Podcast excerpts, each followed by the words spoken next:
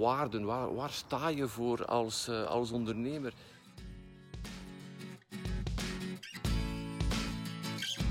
Welkom bij de Business Lab Morning Run. Als je een eenmanszaak of een kleine BV hebt, dan is deze podcast voor jou. Ik ben Xavier de Baren, medeoprichter van Business Lab. Elke werkdag na het hardlopen in de vroege ochtend vertel ik alles wat ik weet om een succesvolle ondernemer te worden. Dankjewel dat je erbij bent. In de twee dagen van de topmasterclass Act Like a Millionaire, waar we het hadden over uh, uh, geld en prijs en prijszetting in het algemeen. En uh, daarover wil ik met jou één belangrijke zaak delen. Ehm, over facturen. Over facturen maken. Het valt mij op dat dit een bezigheid is, een activiteit is die oh zo noodzakelijk is en die door te vele kleine ondernemingen blijft liggen. Want als je daar goed bij stilstaat, heb je moeite gedaan om een klant tot bij jou te brengen. Je hebt moeite gedaan om uh, een offerte te maken misschien. Je hebt moeite gedaan uh, om, om, de dienst of de product te leveren. Je hebt jouw beste gedaan en helemaal op het einde van de rit uiteindelijk fundamenteel de reden waarom dat je ook doet wat je doet, is om die factuur te maken op het einde. Uh, en die factuur blijft dan, uh, blijft dan liggen. En uh, dit brengt jezelf in, in moeilijkheden op verschillende niveaus eigenlijk. cash, de, de, cash komt later binnen, maar ook continu met dat draait zo op de achtergrond. Weet je wel, we de hele dag bezig, ja, die factuur, die factuur, factuur, factuur maken. En dit, dit is letterlijk een energie lek. Uh, gewoon het feit dat dat blijft draaien op de achtergrond. Jij bent geen computer. Ik bedoel, op jouw computer, je bent bezig aan het werken in Word of in Excel en uh, Outlook draait op de achtergrond. Ik bedoel, die computer heeft daar geen last van, het is maar een machine. Maar jij... Uh, jij, jij hebt daar last van, zonder dat je dat zelf, beseft. Uh, een energielek. Je verliest energie door een aantal zaken op de achtergrond te laten draaien. En zeker als ze zo cruciaal zijn als facturen maken. En een neveneffect, negatief neveneffect van deze facturen te laten liggen, is uiteraard ook uh, welke, uh, welke boodschap geef je dan ook naar jouw klant toe, naar zijn betaling toe. Als jij niet echt gegast bent om die factuur naar hem op te zenden, dan creëer je bewust of onbewust bij die klant ook wel het idee van, ja, blijkbaar stikt dat toch niet zo nou. Ik ga mij daar ook niet echt haasten om deze factuur af te handelen. Dus uiteindelijk is het ver verliezen op uh, verschillende niveaus.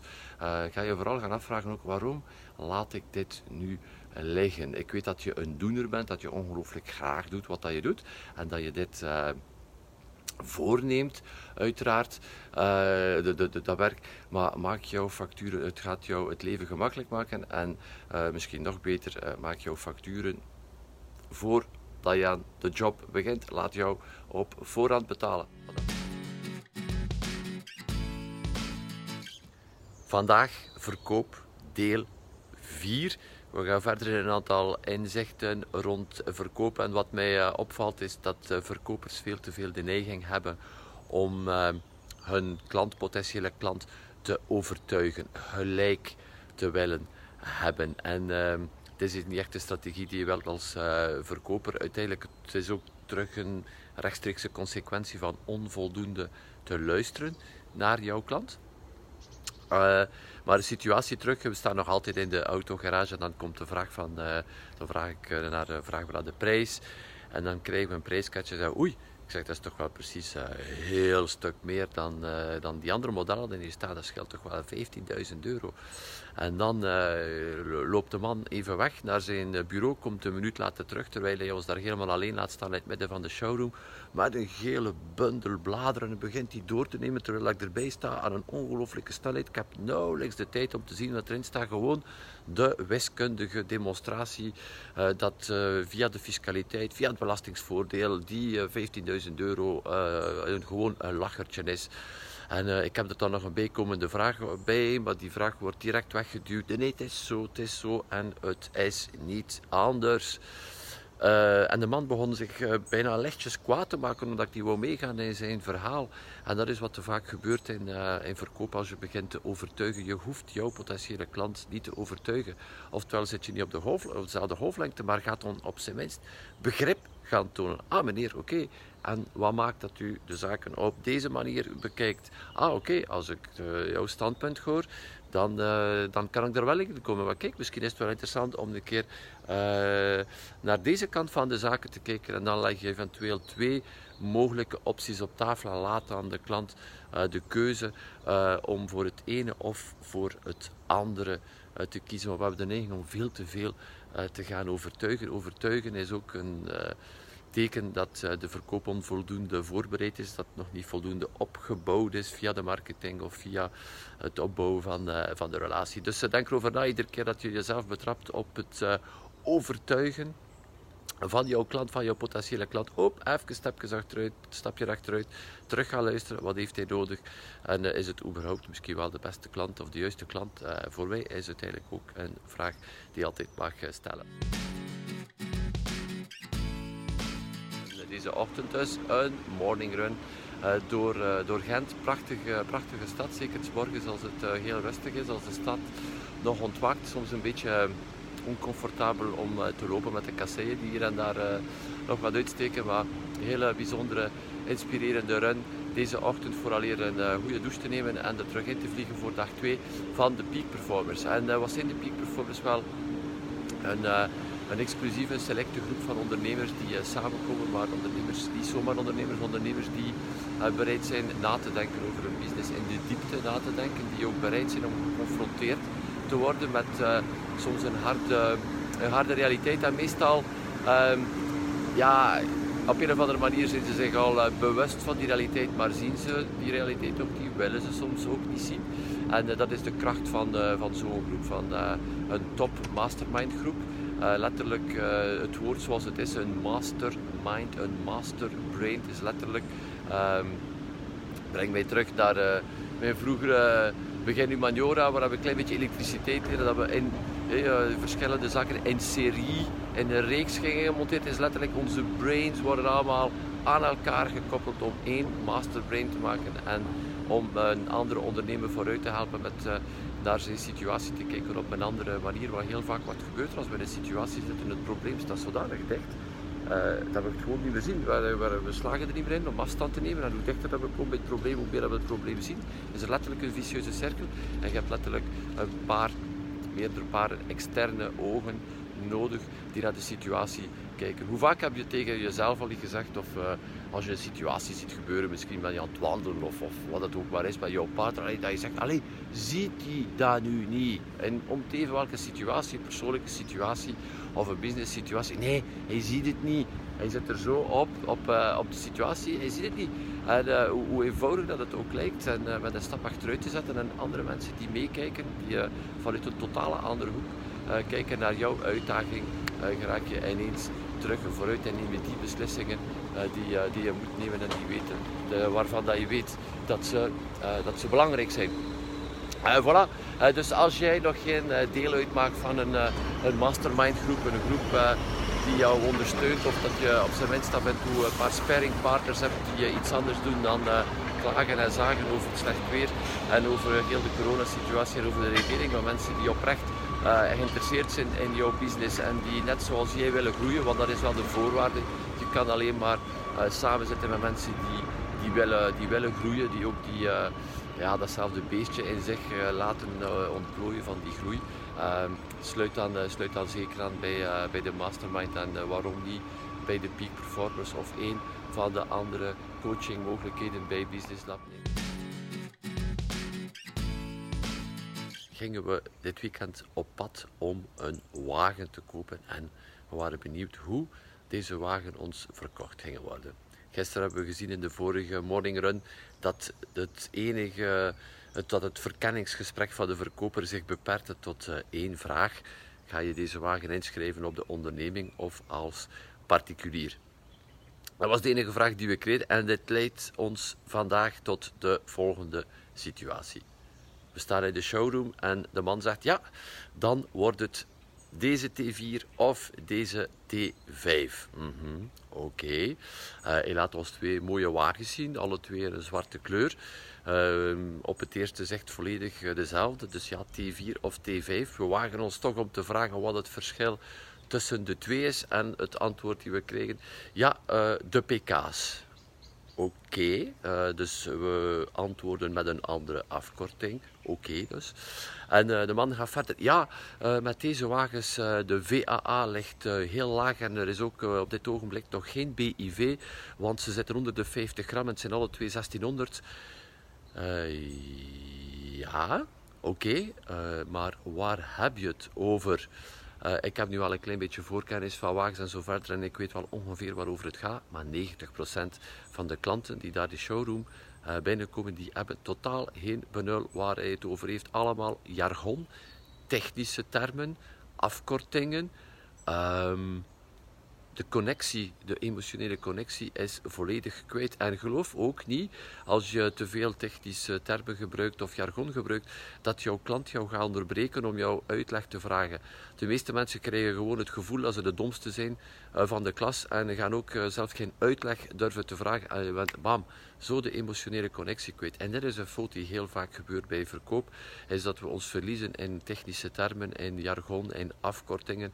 Ja, wat we zijn zelf zo gewoon om om te gaan met ons product, ons dienst. We hebben het uh, heel vaak uh, ook gecreëerd als kleine onderneming, dus we zijn er ook uh, weg van. En zonder dat we het beseffen, verliezen we ons in jargon. Dat is absoluut een fout die jij wil verwijderen in verkoop. Zeg het in mensentaal, in een taal van een twaalfjarige, spreektaal dat een twaalfjarige kan begrijpen. dit is les nummer twee die je kan meenemen van deze verkoop.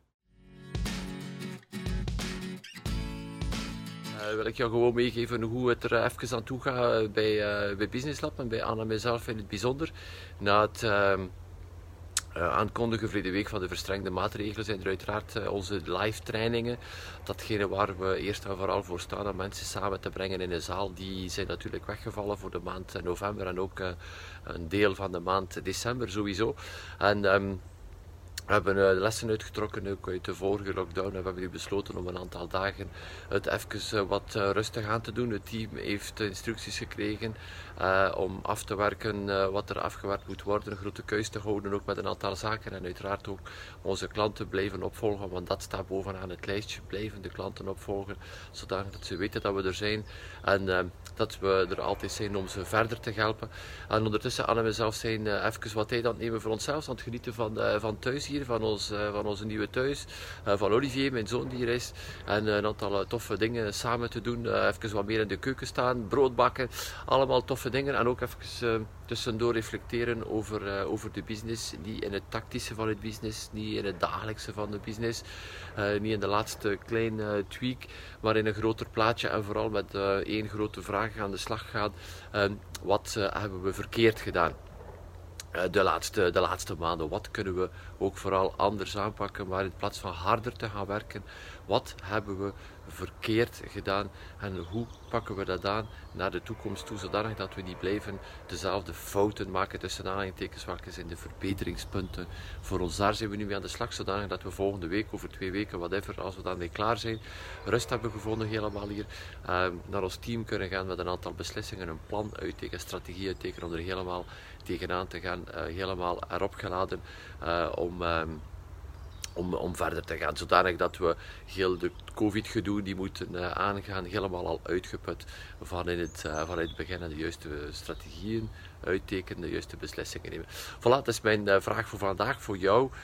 wat even stilstaan, wat minder hard werken en jou de vraag stellen: wat doe ik verkeerd? Wat zou ik totaal anders kunnen doen? Daar de tijd voor nemen om bij stil te staan. Geloof mij, oef, dit brengt een shift in jouw business. dat is ook een van de, van de zaken die jij uit, uit heel dat corona-gedoe kan halen, is jouw tijd misschien op een andere manier. Uh, ga eens een tijd nemen voor zaken die uh, misschien anders niet voorbij gaan, omdat je uh, constant bezig bent in het werken. Ik ben super gelukkig dat ik samen met Olivier en met Anne, die ondertussen al naar binnen is, vijf kilometer gelopen hebben hier in de prachtige ochtendzon om er helemaal in te vliegen. En ik geloof dat dit uh, een belangrijke boodschap is voor jou. Ga jouw uh, tijd zodanig gaan schikken dat je tijd neemt om naar buiten te gaan. Uh, het zijn mooie dagen, geniet ervan. Ehm, vaak ook is het mooiste ehm, stuk van de dag het morgens vroeg. Dus uh, neem die tijd mee. Kom in beweging. Het is nu al, denk ik, anderhalf jaar dat ik iedere dag, iedere werkdag ga gaan lopen. Het doet mij ongelooflijk uh, veel deugd. Zelfs als ik dan een, een rotdag heb, een shitdag heb, dan op het einde van de dag zeg ik toch, ik ben toch wel gaan lopen en ik heb daar toch wel iets aan uh, gehad. Dus kom in beweging, werk je met een team, zet ook jouw team in beweging, zodanig dat zij ook een frisse neus uh, gaan opsnuiven iedere dag. En geloof mij, die half uur dat duurt dat je neemt om uh, buiten te gaan, geeft jou zoveel meer energie en zal je helpen deze uh, bizarre tijd door te komen. Vandaag verkoop deel 5. Ehm, we hebben al heel wat verteld over, over verkoop en vandaag wil ik het hebben over um, ja, het verschil tussen een, verkoper en een bestellingsopnemer of een orderopnemer, hoe dat je het ook wel wil noemen. Uh, misschien vraag je even, oei, wat is dat nu? Wel, ik geloof dat er heel wat uh, mensen zich verkoper noemen, maar dat ze uiteindelijk um, uh, orderopnemers zijn, gewoon een bestelling opnemen. Klein beetje zoals, ehm, in West-Vlaanderen zeggen we daar een voyageur tegen, of vroeger in ieder geval. Een vertegenwoordiger die van zaak tot zaak gaat met een bestelbon mee en die de bestelling letterlijk komt opschrijven. Uh, wat is er nog tekort in jouw rek? We gaan dat aanvullen en af en toe een, uh, een nieuw product laten zien. Dat is uh, wat een vertegenwoordiger is, een voyageur is, een order opnemen. Dat kan ook aan de telefoon uiteraard, intern in het bedrijf. Je belt op en ik heb dat, dat, dat, dat nodig. Mensen die bestellingen opnemen. En ik geloof dat heel wat uh, verkopers uiteindelijk eerst en vooral bestellingsopnemers zijn. Dat is ook de reden waarom ze zich verliezen in technische uitleg, want die bestellingsopnemer uh, die gaat heel vaak in de technische uitleg, wat daar ook niets mis mee is, want hij babbelt tegen een klant. Uh, heel vaak mensen die al klant zijn, die weten waarover het gaat. Dus die ook uh, het jargon begrijpen, die ook de technische uitleg uh, begrijpen.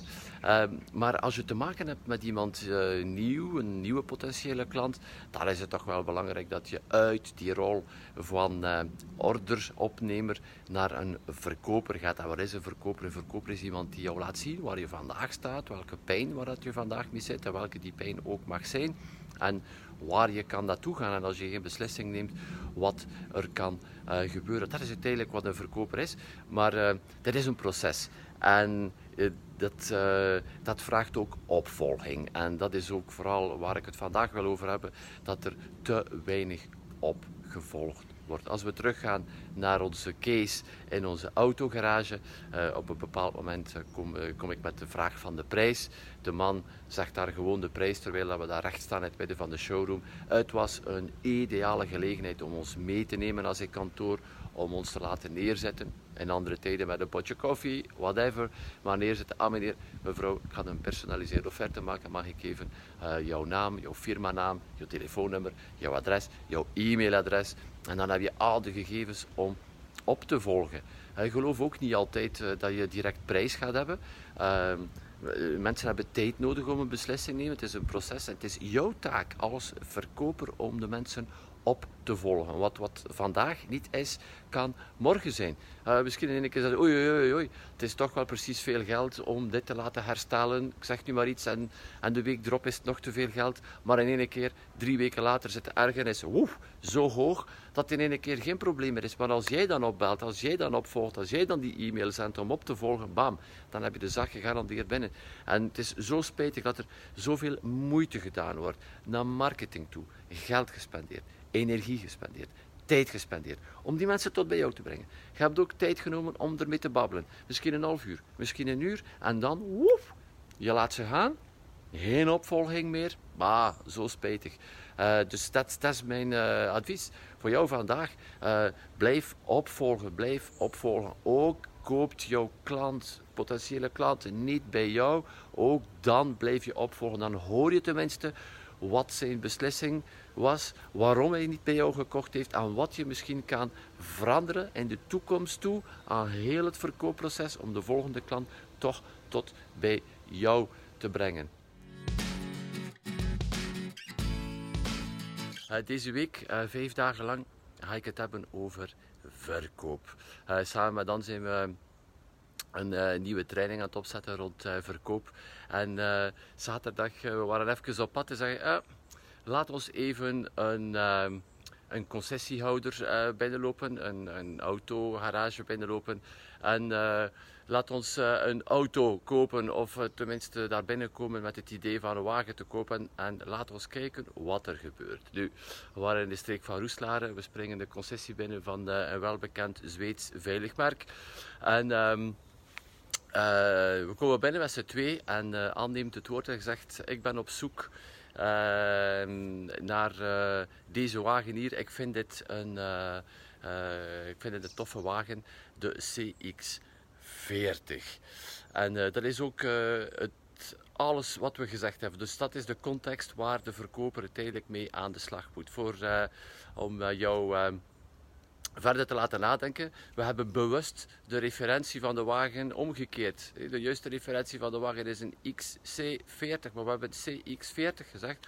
Gewoon om een hint te geven aan die verkoper van ja, wij kennen er echt niks van. We zijn totaal niet bekend met je merk. Ehm, dus en we, zijn hier, uh, we zijn hier om te kopen.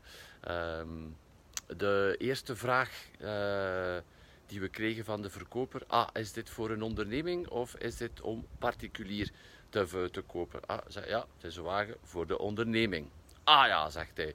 Uh, dan heb je dit nodig. Dan heb je deze plug-in hybride wagen nodig, want die is uh, fiscaal. Um, fiscaal aftrekbaar, 100% fiscaal aftrekbaar. Al de rest moet je zeker niet kopen, want dat gaat veel te duur zijn. Uh, en, uh, en DV, en rijtax, en voordeel alle aard, en bla bla bla bla bla.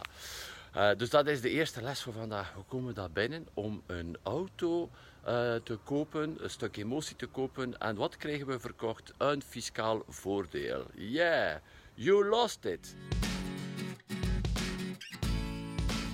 Vandaag neem ik jou mee naar de bakker voor een uh, schrijnend verhaal. Gisteren stond ik in, uh, in, de lange wachtrij bij een bakker hier in het uh, Gentse en een dame voor mij die blijkbaar op een dag uitstap was, die bestelde vijf belegde broodjes. en er was blijkbaar waren niet zoveel ingrediënten voorradig, dus de dame zegt maar ja, geef maar um, vijf broodjes met kaas. En uh, de medewerker van de bakkerij zegt, ja maar ja mevrouw, ik zie dat ik ook geen kaas meer heb. En de dame voor mij zegt, maar ja kijk hiernaast zegt ze, in de koelkast, uh, dus uh, voor de mensen die een brood komen halen, kunnen ook wat basisbenodigdheden die in die koelkast zeggen. Hier zit er kaas in, zegt ze. misschien kun je daar wat kaas uithalen om mijn vijf broodjes klaar te maken. En ehm, die medewerker staat even, even stil, even na te denken. En komt dan van achter de toog en neemt effectief daar kaas uit. Is, is het oké voor jou als ik daar kaas uit die koelkast neem? Ja, ik dacht zo bij mezelf en die dame ook van, ja, natuurlijk is het oké. En um, uh, dan maakt die medewerker die vijf uh, broodjes klaar. En dan komt de rekening af. En die dame voor mij kijkt naar die rekening en ziet daarop staan 5 keer 3,30 euro voor de kaasbroodjes. En 1 keer 4,60 euro voor de kaas die uit de koelkast kwam. De dame was niet happy. Ik ook niet, eerlijk gezegd. Ik begreep niet wat dat er daar gebeurt in het hoofd van die medewerster. Je verkoopt kaasbroodjes. Je hebt geen kaas meer. En dan haal je kaas uit uit de kast dat je doet nog een keer die kaas apart uh, betalen. Een gek, uh, een gek verhaal, um, want die toch wel heel veel zegt over die medewerker en geloof ik nog meer over de leiding van die, uh, die medewerker, de, de, de, persoon die die, men, die, die mevrouw heeft opgeleid, aangeworven. en het was, geen, het was geen ergens verloren jobstudent die, zijn, die daar was voor zijn eerste dag, die even wat verloren was omdat er veel volk was. Nee, het was een blijkbaar geroutineerde medewerker die daar in de bakkerij stond. toch wel ja, toch wel een spijtig verhaal. En uh, de waarden, waar, waar, sta je voor als, uh, als ondernemer? Jouw medewerkers, dat is toch wel het minste. En uiteindelijk zou je best ook jouw medewerkers aanwerven op basis van de waarden waarvoor jij, jij staat. Gisteren ben ik uh, samen met Anne hier in de buurt naar een uh, zaak geweest die we nog niet kenden. Een, uh, hoe noem je dat, een tuincentrum. Die zijn, die zijn nog open op dit ogenblik. We hadden wat klein gereedschap nodig voor, voor de tuin.